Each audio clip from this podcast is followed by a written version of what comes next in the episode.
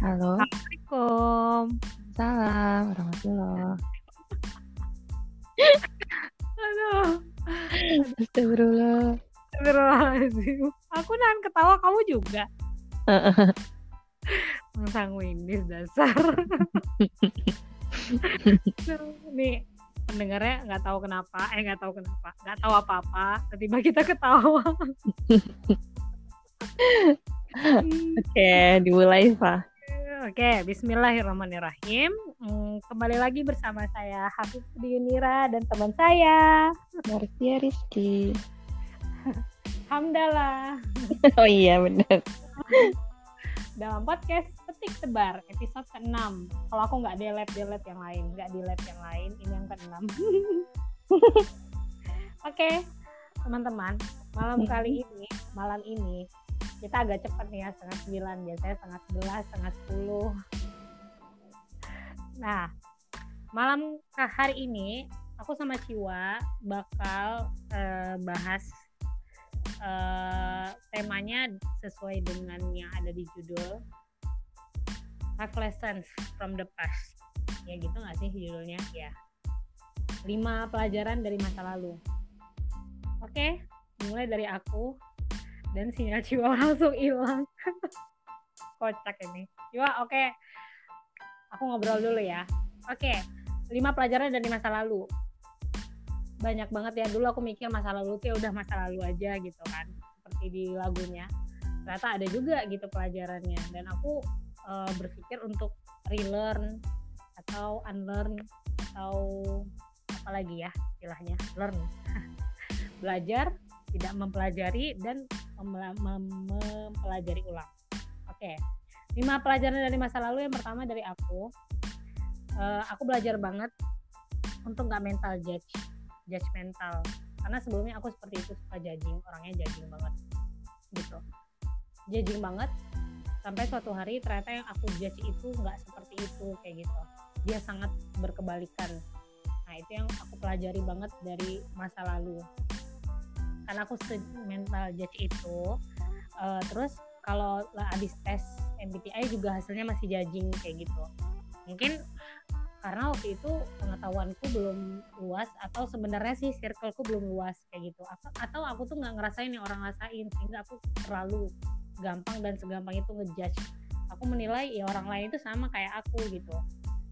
Nah habis itu pelajaran kedua nanti kita sharing cerita ceritanya ya. Dengan pelajaran kedua adalah ini ada ceritanya nih.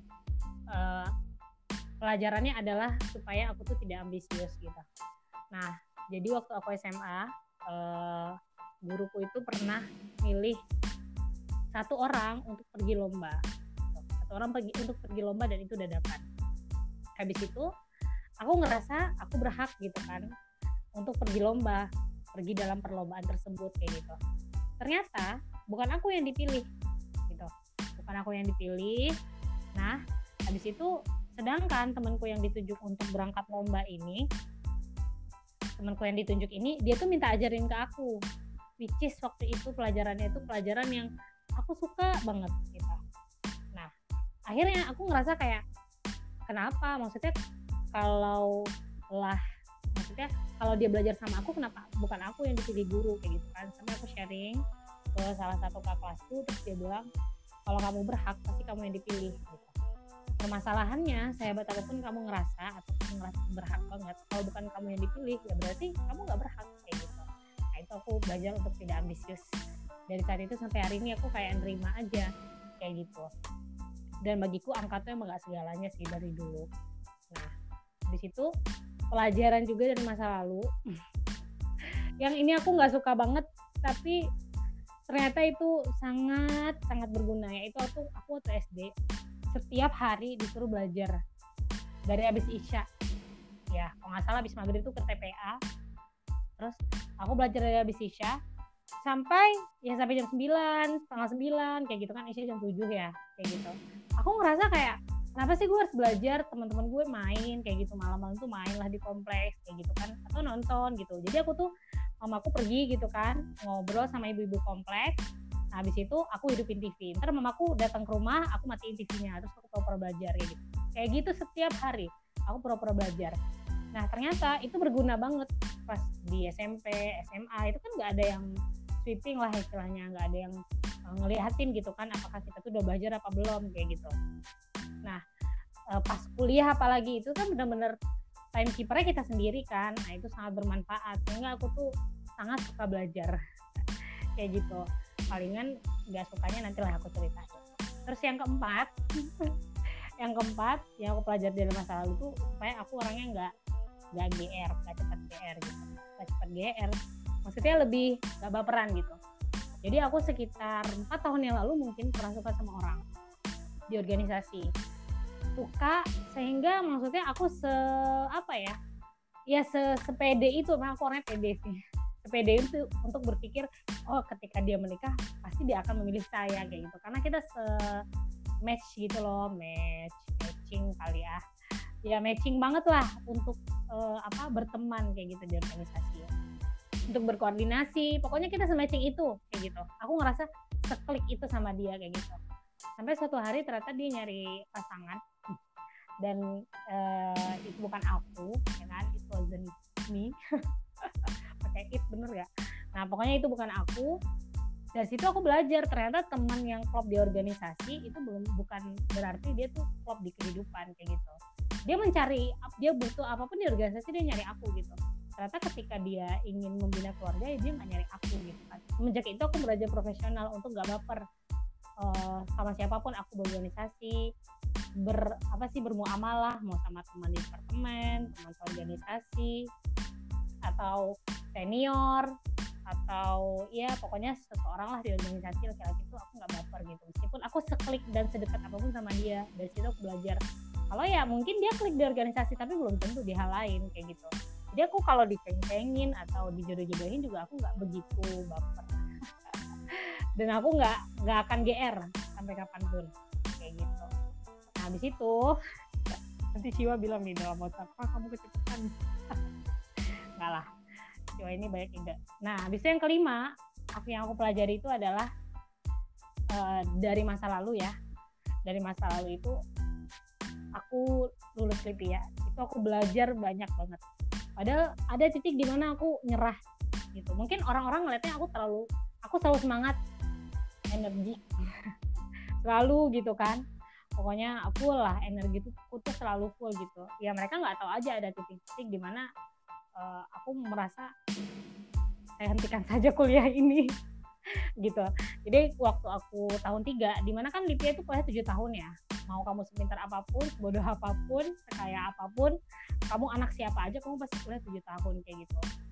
Nah ketika aku tahun tiga uh, nilai uh, eh, UTS Lipia itu kan 30 da, ya ntar 70 UAS gitu. Nah dari 30 tuh aku dapat nilai cuma 11 karena waktu itu soal yang keluar itu dari footnote.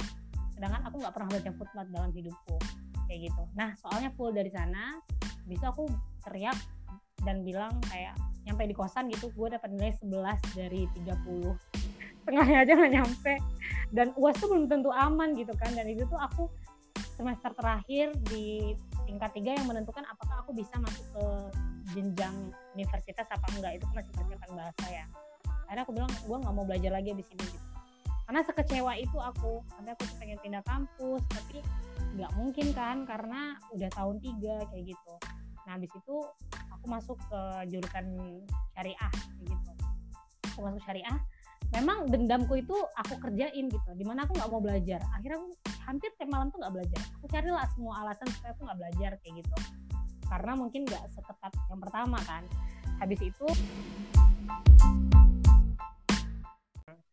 dan aku berpikir untuk pindah jurusan gitu. Karena sejujurnya kan di Lipia itu kan ada tiga jurusan tuh Ciwa ada syariah ya kan hukum Islam. Uh-huh. terus lugoh namanya tuh kayak sastra Arab sejenis itu lah nah habis itu ada ekonomi Islam. Enggak sih manajemen dan perbankan gitu. Perbankan. Perbankan.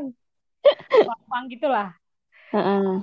ya kayak gitulah. Harta dan manajemen kayak gitu. Uh-uh. Aku tuh nggak ada, maksudnya waktu aku SMA, SMA syariah itu nggak ada jurusan lain gitu loh, cuma syariah doang gitu. Uh-uh. Nah, aku mikir kayak gini sih, aku kan sangat susah matematika ya, logika aku tuh sesusah itu gitu. Matematika fisika kayak gitu.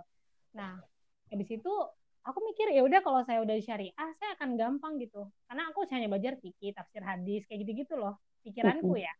Nah, ternyata pas aku menghadapinya aku nggak sanggup. Itu iya benar sih Wak. aku mikir ya ya Allah alhamdulillah bil alamin alhamdulillah kuliah nih. Kalau nggak ada orang tuaku aku kayaknya berhenti deh kuliah. Segitunya. Segitunya. orang nggak tahu. Iya segitunya sih Wak. Seberat itu. Banyak teman-temanku yang dia itu tiga besar ranking tiga besar juara. Kan di PIA tuh masih ada juara-juara kayak kita sekolah aja. Mm-mm. temanku dua dari lima besar tuh ini apa sih namanya gagal. Gagal tuh menyerah bukan karena gagal ujian. Bayang nggak? Karena sesusah itu gitu loh kuliah kayak gitu kan.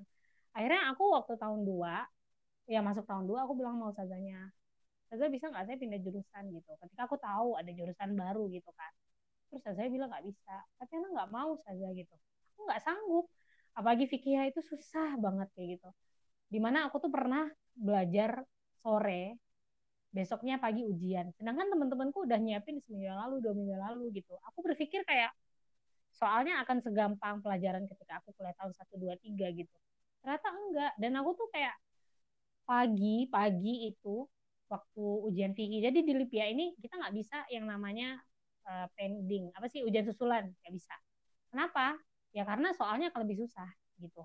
Karena kamu tuh menambah waktu lebih dari yang lain kan. Kalau bisa tuh ya udah kamu hadapi aja apa yang ada sekarang gitu loh. Kalau ujian susulan tuh parah lah pokoknya. Bisa jadi nggak dapat jadwal ujian susulan atau nilaimu hilang gitu. Kececer di mana kayak gitu. Dan itu lebih menyeramkan. Jadi emang katanya kayak gitu sih kalau kuliah di luar negeri aku juga nggak tahu. Katanya di beberapa negara juga kayak gitu gitu.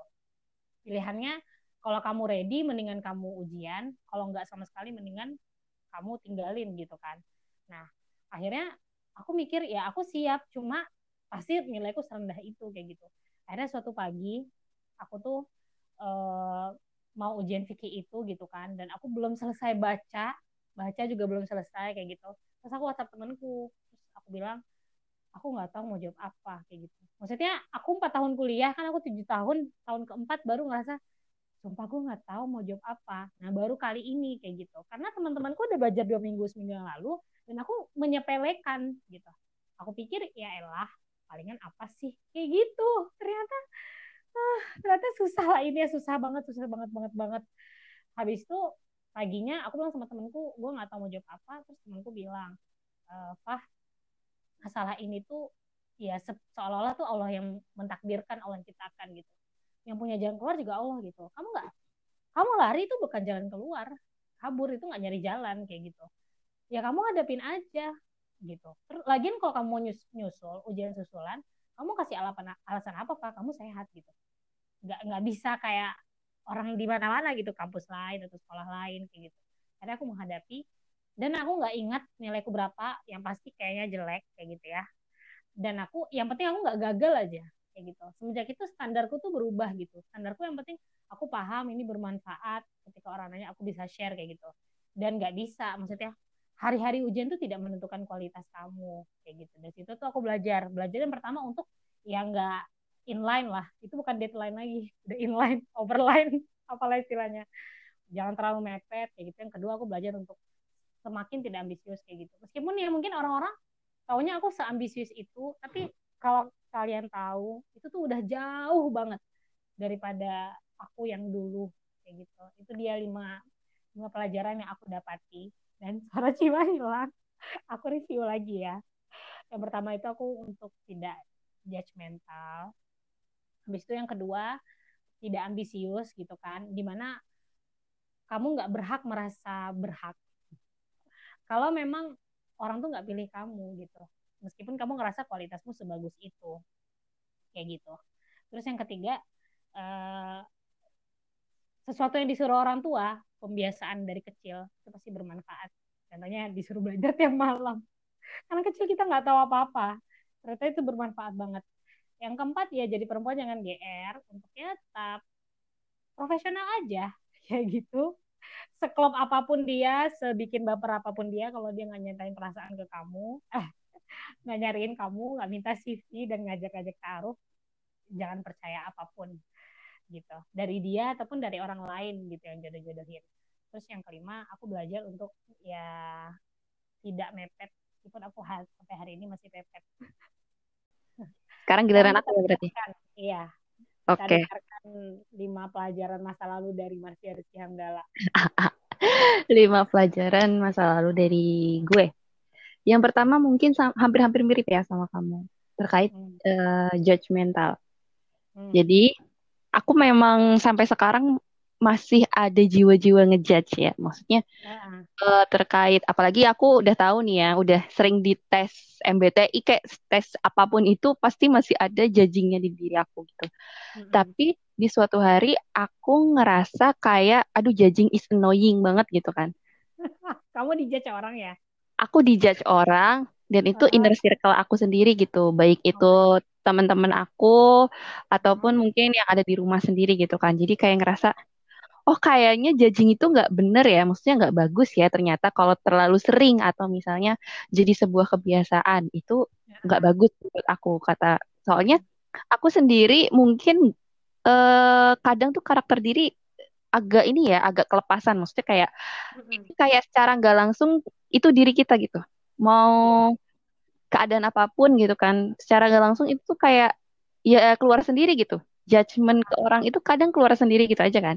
Nah, hmm. suatu hari itu kayak gue pernah dijudge, dijudge apa pun itu, dan itu sering gitu di telinga gue, gue langsung, oh my god, ini annoying. Jadi gue annoying ini ya gitu. Jadi kayak, uh, oke okay, baik, aku mulai mau mengurangi uh, judgmental itu ke siapa pun gitu kan. Maksudnya hmm. mau lebih ke open minded kali ya, karena ya, mungkin ya sama kayak kamu bilang gitu kan, apa yang aku pikirkan mungkin itulah orang yang apa ya orang lain pikirkan juga gitu. Padahal uh-huh. sesederhana itu gitu kan kita bisa melihat sudut pandang orang lain dan lain-lain gitu kan. Uh-huh. Dan itu berdasarkan situasi dan kondisi saat itu gitu kan. Selama tidak menabrak syariat-syariat misal gitu kan. Kalau kita berbicara sebagai umat muslim gitu kan. Uh-huh. Jadi aku nggak se sekarang-sekarang mau mengurangi banget lah maksudnya judge judgement itu jadi kayak annoying juga ya kalau judgement kayak gitu gitu. Kecuali mungkin uh, tapi tetap ya judging mau itu baik mau itu bu mau itu judgement positif atau judgement negatif. Negatif. Uh -huh. Apalagi negatif ya menurut aku. Iya. Itu agak menyebalkan sih judgement positif. Kalau aku pernah sih dapat judgement positif, tapi jadinya itu nggak masuk ke otak aku. Misal, kamu tuh sebenarnya kayak gini-gini gitu kan. Tapi kamu nggak ini aja nggak nyadar aja gitu kan. Uh-huh. itu kan agak judgement ya sebenarnya ya. Iya benar. Kamu tuh sebenarnya punya kelebihan bla bla bla tapi kamu tuh kenapa sih nggak pernah gini-gini gitu kan misalnya. Uh-huh. Uh-huh. itu kan sebenarnya positif ya. Iya. Tapi apa ya di akhirnya di otak itu tetap negatif ngerti nggak? Kamu tertekan kan digituin? Iya maksudnya orang tetep, ekspektasi kamu kan Wak berarti. Iya jadinya ekspektasi kan Terus oh ternyata uh, digituin juga gak enak ya. Maksudnya mau itu positif atau negatif ternyata cara kita menyampaikan sesuatu, penyampaian kata diksinya, terus hmm. nadanya itu tuh ngaruh banget sama apa yang bakal diterima sama orang gitu. Jadi uh, gue mungkin ekstrovert yang dulunya belak-belakan dan segala macam. Jadi sekarang tuh mungkin karena uh, apa ya istilahnya ya. Sebenarnya berani ngisi terus berani ngomong di podcast, berani live itu hmm. seenggaknya mengajarkan aku buat uh, ngomong tuh hati-hati. Maksudnya dalam arti hmm. ngomong tuh dipikir dulu gitu. Ya, Jadi gue berpikir, oh gue harus mengurangi nih judgement ke siapa pun itu kan. Jadi ya. Oh ternyata itu nggak baik, annoying gitu kan. Itu hal yang gue pelajarin sekarang-sekarang di masa lalu yang gue mungkin dicap menyebalkan sama orang-orang karena dikit-dikit gue ngejudge, dikit-dikit gue ngejudge gitu kan. Hmm. Terus hmm apa lagi yang kedua ya? Oh, hmm, ambisius juga. Jadi uh, dulu-dulu gue itu adalah orang yang amat sangat ambisius, terutama SD sampai SMP lah. Itu baru selesai ambisiusnya tuh pas SMA. Jadi dari SD aku udah keseringan juara kelas. Nggak juara kelas juga sih, maksudnya ranking 1, 2, 3. Pokoknya di antara 1, 2, 3, 1, 2, 3. Kepleset-kepleset pun pernahnya ke 6 besar oh 6. Hmm. 6 itu gara-gara itu juga gara-gara kesalahan gurunya. Jadi gurunya salah input nilai, uh tapi karena gurunya mungkin sebel sama aku, itu inputan nilainya nggak mau dirubah. Jadi gurunya mengakui kalau Ah, misalnya aku input nilai, mm-mm. tapi nggak mau dirubah karena dia eh, beliau melihat kayak ya saya nggak mau ngerubah nilai kamu gitu kan, karena mungkin kenakalan kamu Oh, dan segala macam. Jadi mm-mm. wow segitunya maksudnya eh, terpengaruh juga gitu kan terhadap kelakuan anak-anak kecil gitu kan. Zaman SD kan pasti kelakuan anak-anak bocah gitu kan istilahnya. Iya. Padahal harusnya itu tuh gue sampai ngitung loh. Harusnya gue setidaknya minimal itu ranking 4, tapi tetap Mm. bah ranking 4 atau ranking 3 gitu kan. Jadi Ah, gue tiap SD itu kebiasa ranking. Nah, jadi mm. kayak ambisius sendiri gitu loh, Fah. Maksudnya karena dari kecil kebiasa habis Isya itu adalah waktunya belajar. Jadi gue duduk di depan bokap atau nyokap gue belajar. ah. Jadi gue belajar diawasin. Dan kalau misalnya nggak ngerti, itu tuh gue inget banget kalau nggak ngerti itu pasti dimarahin. Hmm, Jadi kalau sama ber- ya tipikal kayak gitu kan, parent gak sih? Eh, eh, tipikal Asian parent yang tahun-tahun 90-an lah. Iya, kan 90-an. Maksudnya buat Eh, anak-anak yang lahir 90-an gitu eh, kan. gitu banget kan, emang cara cara mengajarinya Ya. gitu kan. Jadi jadi kalau habis ngaji, biasanya kan habis ngaji itu gue paling banter pulang maghrib karena main dulu kan. Itu Ah, adalah masa-masa yang menyenangkan gitu. Setelah iya maghrib ke benar. atas tuh langsung deg-degan sendiri gitu loh. Adrenalin Oh tuh my naik. God. Adrenalin naik. Mampus gue ada PR nih hari ini, berarti gue harus belajar gitu kan. Kamu nggak suka belajar, Ciwa? Bukan Menurut gak suka sih, tapi lebih ketakut karena memang eh, apa ya diawasin, ngerti nggak? Oh, iya. Kalau aku takut takutnya gitu. di hal gini, rumus. Kan aku serem matematika ya. Heeh, Jadi aku tuh takut, kamu tahu ada tips and trick gitu kan di soal matematika sebelum ada. soal. Nah, Heeh. nanti ada tips and trick nih di bukuku. Nanti guruku jelasin kan. Mamaku kan guru, Ciwa. Jadi mamaku tuh Oh, ngasih ini loh easy way gitu kan. Ini ga- gampang loh Kak gitu. Gampang loh Fah, lebih gampang heeh, ini. Cuma aku nggak terima. Aku tuh semua nonton itu Ciwa. Makanya aku bingung aku kenapa Oh, Tapi aku mau nonton banget. Kalau A ya A gitu. oh saklek banget aku ya. tuh saklek. Aku saklek. Aku saklek orangnya. Karena itu judging. Oh, heeh. oh ya benar sih. Ah, jadi aku tuh takut tuh belajar ke ilmu yang mamaku tahu. Aku kesel gitu. Karena pasti mamaku tuh nyodorin rumusnya agak maksa ya Asian Parent. Dan aku juga enggak kata guruku enggak gitu. Dan aku Oh, nangis. jadi debat Ujungnya aja kan ya. ya debat abis itu makanya makin bego kan. Enggak belajar. Karena kesel ya, nggak seneng sama ilmunya jadinya kan.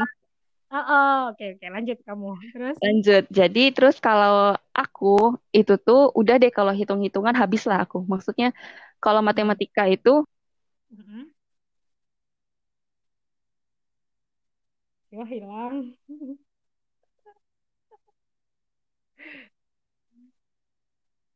Ingat ya nanti disambung dari kata-kata kalau matematika itu. wait wait. jadi eh, memang setakut itu gue belajar jadinya. Tapi jatuhnya gue jadi ambisius. Karena gini gue mikirnya, gue nggak mau nilai gue jelek. Kalau nilai gue jelek gue kena marah. Maksudnya kena marahnya Ah, itu dalam arti kayak gini aja nggak bisa gitu. iya benar. Bukan Ngerti. bukan kena marah karena nggak ranking atau enggak apa gitu. Karena Oh, eh, papaku biasa aja kalau misalnya nggak ranking. Pun kalau gue dapet ranking juga biasa aja. Paling cuman dikasih, paling cuman kayak mau dikasih hadiah apa kayak gitu. Setiap aku ranking tuh kayak mau dikasih hadiah apa. Ingat banget kalau setiap aku ranking tuh, misalnya ranking 2 dan segala macam, itu Ah, kayak abis ini mau dikasih apa gitu. Jadi gue mikirnya adalah gue ambisiusnya itu karena oh, kalau gue pinter, kalau gue ranking, gue mau dikasih sesuatu dan ah, eh, mama papa tuh nggak akan marah sama yang gak gue ah, gitu. Jadi ambisiusnya kayak gitu. Sampai gue SMP pada akhirnya gue menghentikan keambisiusan gue itu.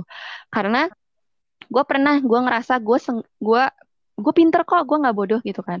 Nilai-nilai Ah, gue bagus. Tapi ah. lu waktu itu kelas 2 tuh kalau nggak salah, gue tuh mm, gak masuk lima besar SMP di kelas itu. Padahal gue Hmm. yakin gue bisa masuk lima besar. Lu tahu nggak Hmm. sampai ngerekap ngerekap apa ya ngerekap nilai-nilai anak-anak sekelas ngebandingin sama nilai gue Aku pernah kayak gitu kok. ujian UTS sama UAS tuh gue gua rekap Iya, aku juga pernah kok, Ciwa. segitunya pengen ambisiusnya Sama. karena karena gue mikirnya adalah "Oh, kalau gue nggak ranking nih bahaya nih gitu segitunya Ah, gitu terus waktu gue kelas 1 SMP itu tuh eh apa ya gue masuk Mm-mm. istilahnya kelas kelas yang terpinter lah kelas, kelas jadi kan kalau di kelas Unggulan ya. eh, kelas unggulannya gitu waktu Ah, SMP kan zaman kita masih tes ya buat masuk SMP Iya, masih tes. iya, jadi ah, walaupun masih dapat nilai UN karena tahu zaman-zaman kita itu nilai UN yang masih domplengan maksudnya Ah, masih dirubah-rubah lah sama guru Iya, terus ada yang dihapus ada yang diganti Ah, gitu-gitu kan? Ah, zaman dulu banget kan memang seperti itu cara ngedompleng nilai anak-anak gitu kan. Jadi eh gue kan sangat ini ya sangat saklek ya orangnya. Gue nggak mau nyontek sama sekali gue nggak mau ngasih contek sama sekali. Sementara teman-teman gue oh bagus banget nilainya bagus-bagus semua ada yang dikasih contekan ada yang dikasih ini malah dulu tuh gue pernah yang namanya disuruh jadi Mm-mm. joki Jadi apa?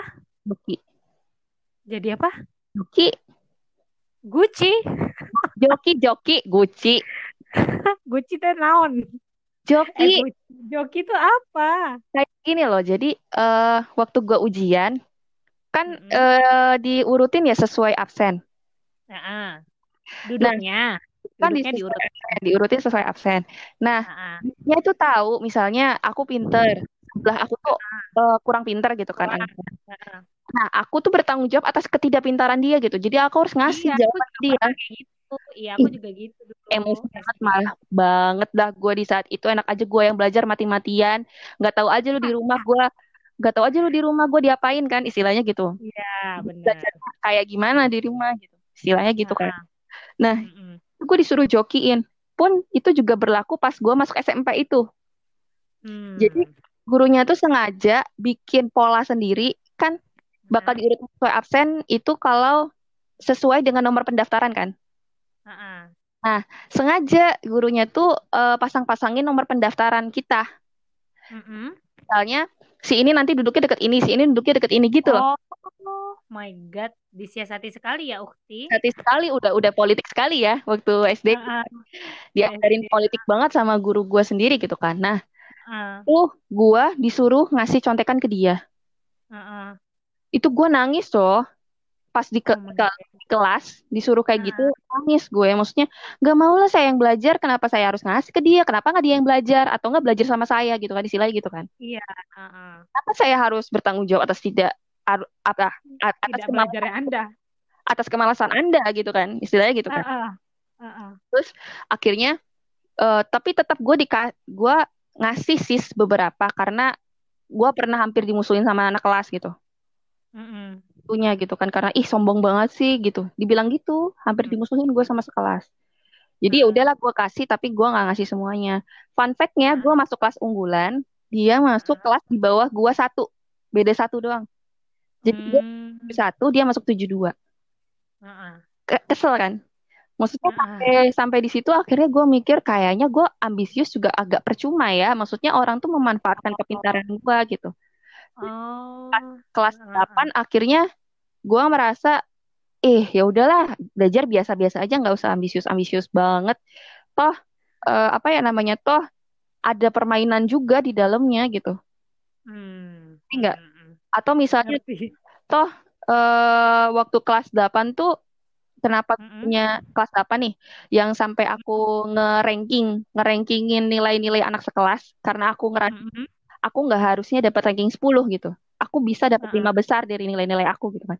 Ternyata Mm-mm. gurunya itu eh, semoga semoga bapaknya di- dirahmatin oleh Allah ya. Karena tetangga Iya. sendiri. Ah, beda RT jadi tuh bapaknya tuh karena aku saking nakalnya saking bandelnya waktu e- kelas SMP kelas 2 tuh Mm-mm. jadi tuh aku nggak ya gitu. Jadi karena ngelihat akunya nakal bandel banget apalagi aku cewek nih bandel banget nakal banget nilai aku dikurangin. Iya. Karena katanya Hmm. eh, attitude ya oke lah kalau misalnya attitude eh Ah. misal nih kalau nilai gue dikurangin dikurangin sama bapaknya karena attitude kenapa nggak dipanggil dulu? Oh, itu kan ya, itu pendidikan Indonesia. maksudnya ketika bapak itu kan wali kelas ya wali kelas kan? Kena, ketika Ah, bapak ngerasa saya begitu anaknya kenapa nggak dipanggil dulu gitu hmm, tiba-tiba nilai aja gitu ya. tiba-tiba jeder gitu kan kata gue Yang dia mengira ketika kita dikasih nilai kayak gitu, kita auto berubah. iya nggak gitu Yang ada tuh bengkel, Pak. malah kesel kan gitu. Jadi pokoknya setiap pertemuan apa ya akhirnya ya pokoknya setiap ada pertemuan kelas itu tuh aku selalu alasan uh, apa sih namanya tuh ke kantin lah kabur lah terus kalau misalnya disuruh piket pokoknya kalau ada bapaknya gue nggak mau datang lah jadinya. Hmm. semester satu digituin gitu kan. Maksudnya jadi apaan sih gitu kan? Nilai gue uh. dikecilin gitu kan. Ya udahlah bodo amat gitu kan. Jadi gue ngerasa percuma juga gue apa namanya ambisius. Toh nanti juga ada yang kayak gini lagi kejadiannya gitu jadi sampai sampai di situ gue merasa gue belajar biasa-biasa aja. Gue nggak mau terlalu show off juga. Gue nggak mau. Karena aku orangnya show off sekali. Ternyata aku baru menyadari sekarang-sekarang oh dari dulu ternyata aku show off ya. Jadi dari dulu aku tangguh ini sekali gitu kan. Pengen pengen tampil. kenapa? Aku di forum kurang. Aku di forum uh. kurang show off. Uh. kurang. Terus? Kalau di forum aku kurang banget. Mm aku show, show off itu aku jago kandang intinya. Kalau forum itu milik aku maksudnya kalau aku yakin oh hanya saya yang menguasai itu gitu kan uh. aku ngomong gitu tapi kalau enggak kayaknya ada yang lebih pintar nih mm -hmm. meskipun kayaknya aku diam aja oh kalau aku dari dulu tuh aku pengen banget show off gitu dari SD SMP bahkan uh. Uh, apa namanya tuh aku le aku kan les bahasa Inggris dari SD SD kelas 1 hmm. apa SD kelas 2 gitu. Jadi hmm. Dulu tuh kayak kemampuan bahasa Inggris aku di antara anak-anak komplek nih bisa dibilang anak-anak komplek itu aku yang paling unggul gitu.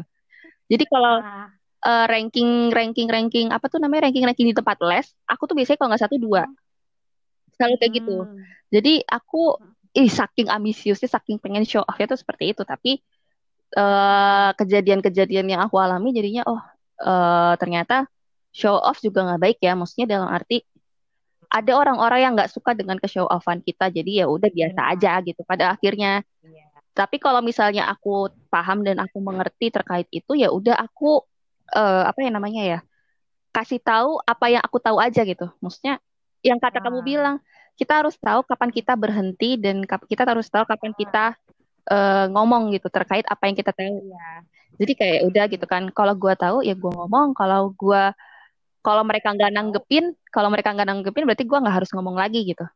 Maksudnya ya udah gue stop benar. gitu jadi karena ada beberapa orang yang nggak suka terkait uh, para sanguinis ini gitu. Jadi ya udah gitu kan. Jadi kalau gue bisa oke okay, gue tunjukin. Kalau enggak ya udah. Itu. Terus yang ketiga adalah perfeksionis. Mungkin sampai oh. sekarang gue masih agak perfeksionis tapi kejadian waktu gue S1 TA itu gue sangat perfeksionis pak jadi oh gue itu S1 kamu masih sempat-sempatnya ya? S1 masih sempat-sempatnya tuh dan itu TA. Jadi aku tuh ngerasa aku tuh anak hmm. yang serba bisa multitasking waktu aku S1.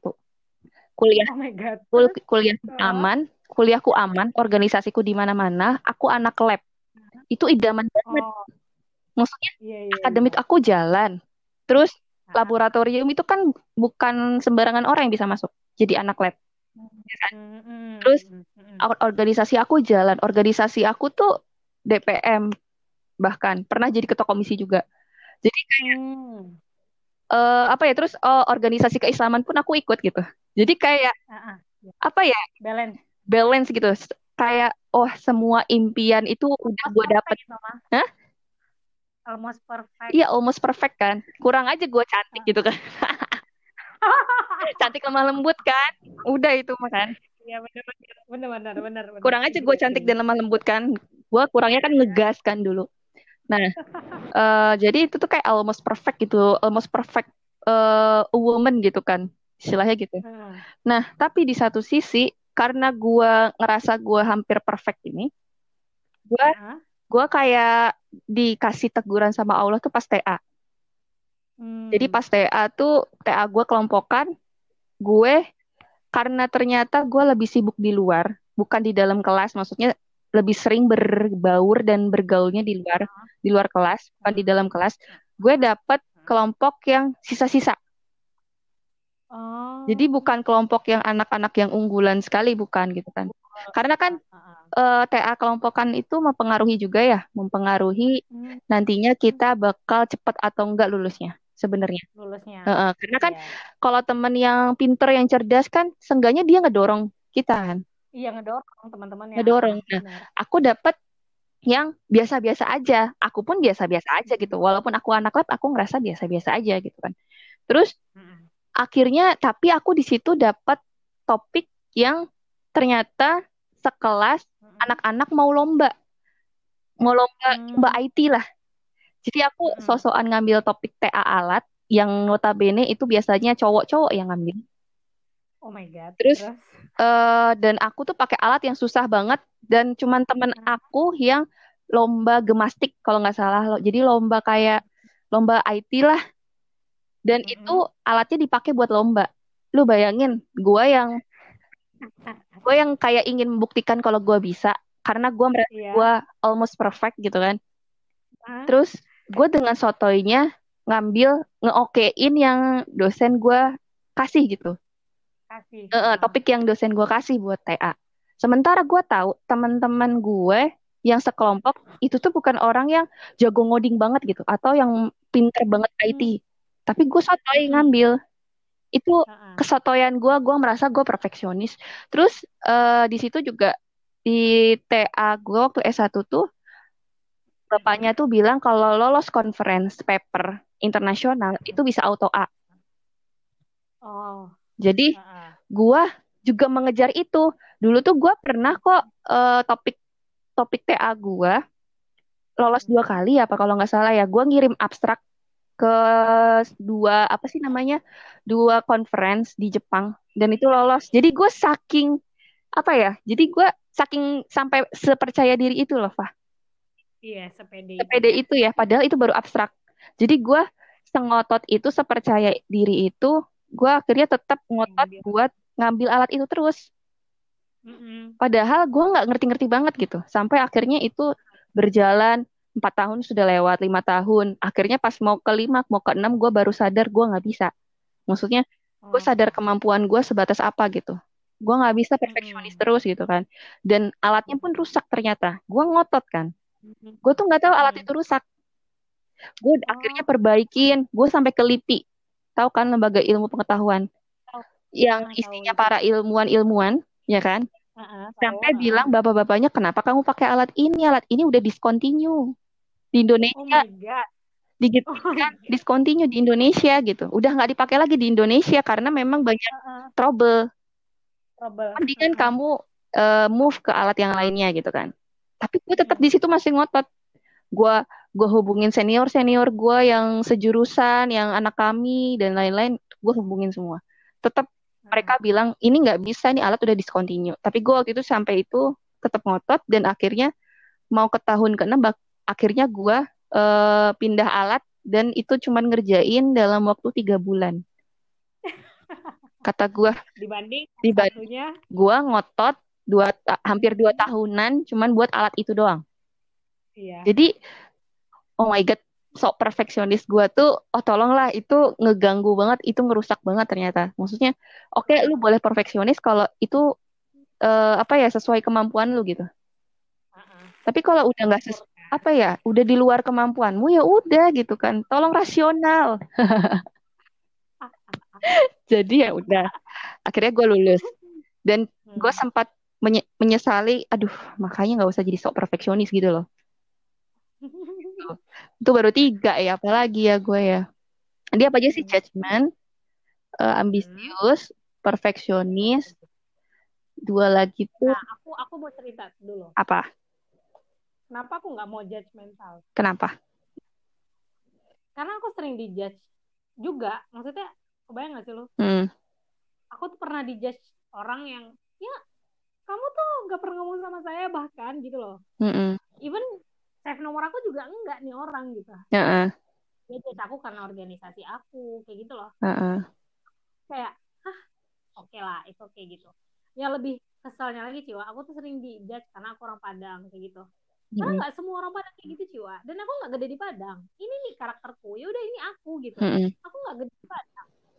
Maksudnya tuh aku nih ya Mm. SD sampai SMP, eh apa salah, tamat SD di di Batam, Heeh. SMP SMA di Padang, tapi pesantren Mm-mm. bentuk membentuk nggak membentuk lah ya kayak gitu loh. Mm-mm. Nah, habis itu pas kuliah orang bilang orang Padang pelit. Aku nggak pelit Ciwa. Aku seloyal dan royal itu. Heeh. Cuma aku maksudnya oh kalau ini memang akadnya apa sih bukan minta ya kan bukan ngasih Mm ya you have to pay the price gitu kan oh ini bayar oke okay, bayar kayak gitu loh ya atau temanku aku minta tolong ke temanku untuk beliin sesuatu kayak gitu. Terus kayak gitu ya aku nggak minta ke dia. Cuma maksudnya nggak minta uangnya. Saya minjem akad ya udah aku bayar kayak gitu kan. Tapi sesering itu orang aja orang Padang seperti itu. Padahal enggak aku tuh nggak kayak gitu gitu loh. Terus ya pokoknya banyak lah judge terhadap aku kayak gitu. Misalnya uh, nih satu lagi kayak oh Habibah anak Lipia nih tamat Lipia pasti maunya suami ustad kan S2 ya habis. Aku mikir what? Ya maksudnya kenapa kamu yang meletakkan ekspektasimu di aku gitu ya? Tapi nggak apa sih aku nggak marah. Cuma maksudnya di stereotipin nama orang tuh nggak enak kayak gitu. Kenapa ya apalagi kalau dia share itu gitu share ke orang-orang oh misalnya kayak gini-gini. Padahal ya aku nggak seperti itu kayak gitu. Contohnya ya hmm, aku pelit misalnya orang Padang tuh pelit ya kan? Habis itu aku berstandar tinggi dan lain-lain. Padahal ya kalian nggak tahu aja aku tuh nggak pernah juara ranking gue tuh kok nggak tujuh sepuluh kalau nggak dapet ranking apalagi di Lipia jangan harap kayak gitu ya. Tapi itulah hidup kan. Oke masih ada dua lagi ya. Oh aku tahu. Aku belajar terkait menurunkan ekspektasi. Hmm. jadi karena aku apa ya istilahnya tadi kejelekan aku adalah aku masih miss perfecto, masih hmm. miss perfeksionis. Uh, aku juga menurunkan eh perfeksionis kan berarti ekspektasi kita tinggi ya kepada diri kita sendiri. Hmm, Dan juga jatuh uh, tapi juga aku ternyata berekspektasi tinggi juga kepada orang lain. Jadi kayak eh lu kan misalnya gini, gue melihat sebuah kejadian yang itu tuh nggak, lu kan harusnya nggak kayak gini gitu. Jadinya kayak gitu kan. Udah kayak gitu terus ngejudge orang. Udah lah itulah perfect banget ya. lah iya. itu. Perfect ya, banget nyebelinnya gitu kan istilahnya. Udah gua high expectation buat diri sendiri ke sama ke orang lain terus gua perfeksionis juga dan gue jadinya judgement ke orang gitu kan nah uh, apa ya itu tuh gue jadinya seringnya kecewa sih kayak misalnya di organisasi lo kan udah tingkatan marhalahnya setinggi ini gitu kan istilahnya gitu. Tapi kok masa lu nggak ngerti sih terkait ini ini ini gitu. Masa lu nggak ngerti terkait batasan, lu nggak ngerti terkait gimana uh, royalitas, eh loyalitas, loyalitas. terus lu ngerti terkait uh, totalitas gitu. Masa lu nggak ngerti sih gitu kan istilahnya. Hmm. Gue akhirnya uh, berekspektasi orang tersebut bakal keren banget gitu. Tapi pada akhirnya gue kecewa gitu karena orang itu punya kelemahan gitu dan nah. sempat sempat waktu itu aku nggak mau daurah tingkat karena aku ngerasa Allah yang udah tingkatnya lebih tinggi dari gua aja kayak gitu orangnya gitu loh pak dulu tuh aku hmm. sampai nggak mau apa ya pengen cuman di apa sih istilahnya kalau di kami itu kan cuman training tingkat satu aja. Gue nggak mau training tingkat dua apalagi training tingkat tiga gitu kan. Karena gue melihat orang-orang yang udah di atas gue juga kayak gitu orangnya gitu kan. Maksudnya uh, tidak menjadikan mereka akselerasi lebih jauh gue gitu kan. Jahat ya gue maksudnya kayak ah mereka juga gitu-gitu doang gitu loh. Nggak apa Jadi, sih maksud aku nggak apa-apa jahat yang penting kita sadar kita salah Jadi itu tuh benar-benar akhirnya gue baru mau daurah tingkat 2 atau DM2 tuh pas di tingkat akhir gue kuliah. Hmm. Saking gue ngelihatnya ah nggak usah nggak usah pakai DM2 juga gue bisa kok ngerti politik kampus gue kan selama tiga tahun di kampus gue selalu di politik kampus gitu kan kalau goalnya adalah uh, apa sih ngerti tentang jadi pemimpin dan lain-lain gitu kan hmm. karena udah so apa ya gue sudah merasa gue miss perfecto gitu. Gue bisa di sana di sini di sana di sini gitu kan istilahnya gitu. Hmm. pada akhir. kayak aku cuek banget tuh Ciwa orangnya. Oh iya? Hmm. Eh maksudnya aku nggak pernah mikirin orang. Iya maksudnya aku tuh aku tuh nggak pernah mikirin orang banget gitu loh. Maksudnya gini oh dia hmm. misalnya seorang anak Lipia nih mm dia seharusnya seperti ini seperti ini kayak gitu. Mm dalam ya kamu tau lah maksudnya seberat itu aku tuh kayak ya Allah aku terus bersyukur atau harus gimana? gitu loh dengan status Lipia ini kayak gitu kan. Mm itu aku tuh nggak pernah meletakkan ekspektasi ke orang karena aku tahu maksudnya realitanya ya nggak semua orang tuh perfect. Ya sampailah mm orang mau kuliah di Madinah sekalipun Mesir pasti adalah yang kurang kayak gitu cua. Kurang maksudnya ya orang ekspektasi dia mungkin nggak akan melakukan sesuatu hilaf. Jadi kan dia ya dia ngelakuin kayak gitu. Dan aku pribadi aku kayak gitu. Maksudnya oh dibilang sama Tanipia dengan seorang ekspektasi kan kok aku. Mm -mm. enak jiwa seenggak enak itu kayak gitu loh. Uh, seenggak enak itu. Karena itu aku nggak pernah meletakkan uh, ekspektasi ke orang. Habis itu nggak pernah. Ya maksudnya oh kamu anak ya bukan berarti kamu perfect gitu loh. -huh. di organisasi ini bukan berarti kamu perfect gitu. Karena ada orang yang ya dia di depan bisa baik gitu. Di belakang ambiar jiwa ambiar tuh maksudnya dia runt rapuh. Bukan hancur ya rapuh. Gitu. Karena dia hidup dari ekspektasi orang lain. Hidup dari ekspektasi orang lain. Oh my god itu tuh gak enak banget. Tapi yang maksudnya aku kadang berpikir kenapa sih wah ini gitu kan. Kenapa aku yang harus tamat dari Lipia dengan gelar ini? Aku sebelumnya nggak pernah mikir gelarku ini bikin berat. Uh, tapi setelah aku tamat itu baru kayak orang setinggi ini ekspektasinya ke aku kayak gitu loh. Bahkan aku dipanggil ustazah aja tuh aku nggak mau karena emang aku nggak alim. Maksudnya emang ada orang yang tercipta alim kan? Dari Allah subhanahu wa taala tuh dia emang kayak aduh ya kamu berhak lah untuk mendapatkan gelar ustazah kayak gitu. Aku nggak kayak gitu. Nah apakah aku tuh boleh minta ke Allah? Maksudnya aku selalu berpikir wah ini gitu kan kenapa aku? Tapi sekarang tuh aku berpikir ini udah terjadi kamu nggak mungkin lagi menyesali. Mm-hmm. aku sekarang tuh lebih berpikir ya gimana cara aku menghadapi ini gitu. Oh ini udah terjadi nih gelar ini nggak mungkin di di cancel gitu kan. Mm-hmm. pikir ya gimana cara aku ya udah pak kayak gitu. Oh, ini udah terjadi gimana kamu menyesuaikan aja gitu loh. Mau nggak mau kan? Mm -mm. mau kayak gitu. Ya nggak mungkin maksudnya orang banyak pengen jadi aku maksudnya bukan pengen jadi aku ya pengen ngerasain apa yang aku rasain gitu loh. Belajar mm -hmm. ya kan maksudnya andai saja atau uh, atau orang tuh enaknya belajar gitu itu belajar ilmu agama kayak gitu. Mm -hmm. aku sebenarnya emang se enjoy dan seenak itu aja sebenarnya gitu. Maksudnya mm ya begitu berat. Tapi ketika aku udah tamat ya Allah gitu. Di situ aku belajarnya agak gini sih mungkin. Ketika hmm. aku punya anak nanti wahai anakku. Wahai anakku. Iya maksudnya ini pilihan kamu atau enggak? Itu yang pertama kayak gitu. Habis uh -uh. itu kalau nanti pun kamu nggak menyelesaikan itu dengan baik kayak gitu kan nggak sempurna ya itu oke okay, kayak gitu loh ekspektasi orang tuh jangan kamu jadiin beban itu aku belajar juga sih dari masa laluku aku ya hmm aku belajar tentang memahami orang mungkin yang terakhir. Hmm.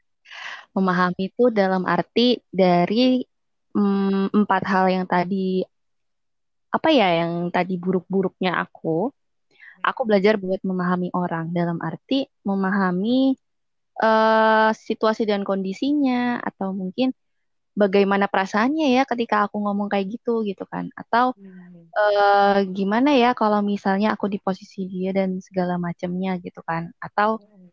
ya kayak gitu gitulah istilahnya karena kan uh, hal-hal kayak judge itu gitu kan terus aku berekspektasi sama orang dan lain-lain kan itu kan sebenarnya bentuk aku tidak memahami orang tersebut hmm. nah, kayak bentuk lo tuh harusnya nggak gitu gitu kan lo tuh harusnya bisanya kayak gini gitu kan istilahnya gitu jadi aku ngerasa oh bisa loh orang melakukan hal seperti itu karena ini ini ini atau misalnya bisa loh dia aktivis dakwah tapi mungkin masih melakukan hal-hal yang sebenarnya nggak nggak usah lah dia lakukan yang seperti itu kan. Hmm.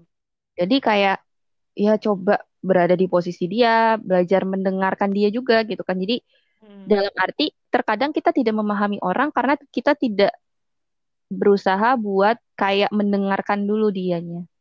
Mm-hmm.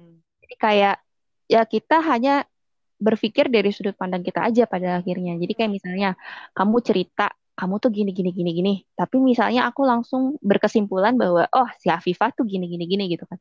Padahal mm. mungkin ketika aku mendengar ceritamu dengan utuh, terus mendengar kamu mengeluarkan seluruh apa yang kamu curahkan, mungkin nggak seperti apa yang aku pikirkan sebelumnya gitu. Kayak ya. aku ngejudge kamu isi Hafifah tuh kok gini sih gitu ternyata ketika aku mendengar misalnya mendengar langsung dari kamu secara utuh misal akhirnya aku tahu oh ternyata Hafifah tuh gini karena gini gitu kan hmm. jadi kayak oh kita tuh harus denger dulu loh uh, penjelasan orang tersebut kenapa dia melakukan hal tersebut gitu hmm. dan kita tuh harus punya banyak sudut pandang lah gitu kan terkait hmm.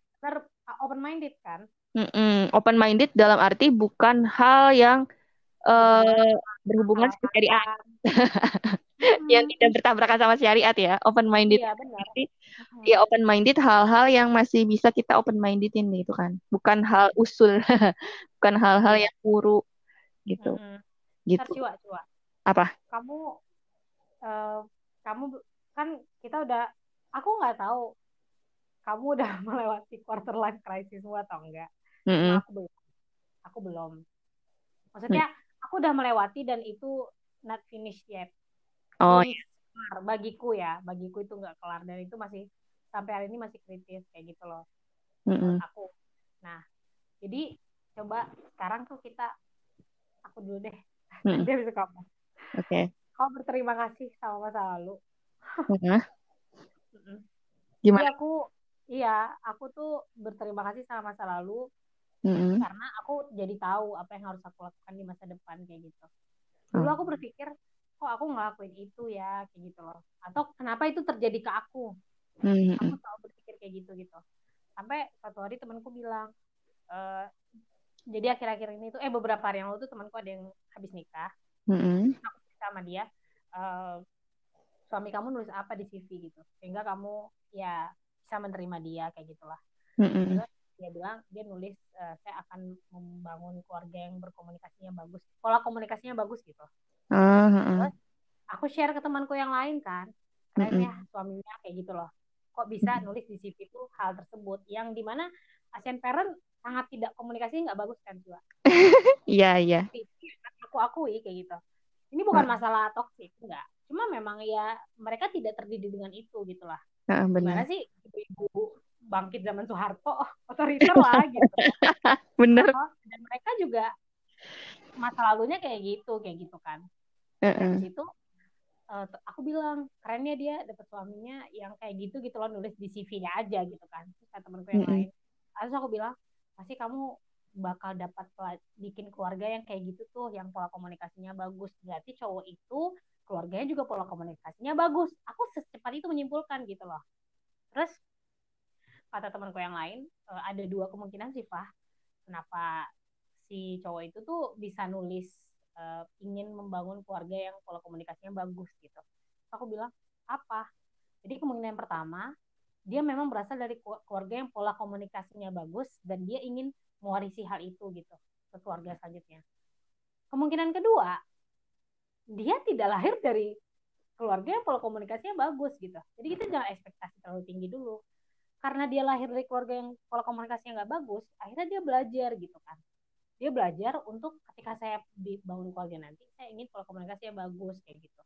Nah di situ aku baru sadar bahwasanya yang terjadi sama kita ini hari ini mungkin buruk kayak gitu. Buruk menurut kita ya. Buruk kayak kenapa aku? Meskipun aku terlihatnya ya selalu ceria dan lain-lain aku selalu berpikir kenapa aku? Kayak gitu loh. Di hal yang mungkin orang nggak pernah mikir ya aku bakal lakuin ini tapi aku pernah ingin lakuin kayak ya Allah kapan saya mati? Kenapa aku nggak mati aja? Kenapa why do I have to face this? Gitu kan. Kenapa? Aku harus menghadapi ini kayak gitu. Nah jadi abis itu aku berpikir ya aku ber- merubah ya aku harus menghadapi ini bagaimana cara caranya ya aku minta tolong ke Allah kayak gitu. Dan aku nggak akan ngelakuin itu lagi di masa depan gitu. Apa yang orang lakuin ke aku apa yang orang ekspektasikan ke aku atau kesalahan-kesalahanku hari ini kayak gitu. Aku berharap itu nggak terjadi sama orang sekitarku lagi atau nanti ketika aku punya keluarga atau punya anak gitu. Itu closing statement dari aku. Ini statement dari aku ya. ya Kalau aku sih, kalau terhadap lima hal itu yang tadi aku pelajarin, terus hmm. apakah aku sudah melewati quarter life crisis aku, pun aku merasa belum sepenuhnya gitu kan, tapi masih dalam hal, oh aku tahu hal tersebut sebaiknya jangan dilakukan lagi di masa depan, kayak gitu Hmm. kan. Jadi kayak misalnya yang hal-hal lima tadi, terus akhirnya, oh kayaknya jangan kayak gini lagi lah di masa depan, kayak gitu. Tapi tapi aku terima kasih sih, maksudnya dalam arti aku sudah pernah melewati itu dan aku sudah tahu itu ternyata kurang baik gitu kan. Hmm. Jadi aku ingin yang namanya memperbaiki ketika nanti mungkin aku berkeluarga gitu terutama Hmm. terhadap bagaimana cara aku mendidik anak, bagaimana nanti cara aku berkomunikasi dengan anakku, dealing with my son atau my daughter gitu kan. Jadi dalam arti uh, aku tidak bisa nih yang namanya melakukan hal-hal yang kejelekan aku lakukan di masa lalu. Oke, sekian dulu podcast kita hari ini. Karena suara Ciwa tiba-tiba menghilang. aku kelas sendiri aja. Oke teman-teman, uh, semoga kita semua pernah belajar dari masa lalu. Pernah belajar akan selalu belajar dari masa lalu dan gak akan mengulangi atau meminimalisir di masa depan. Sekian dulu. Assalamualaikum warahmatullahi wabarakatuh.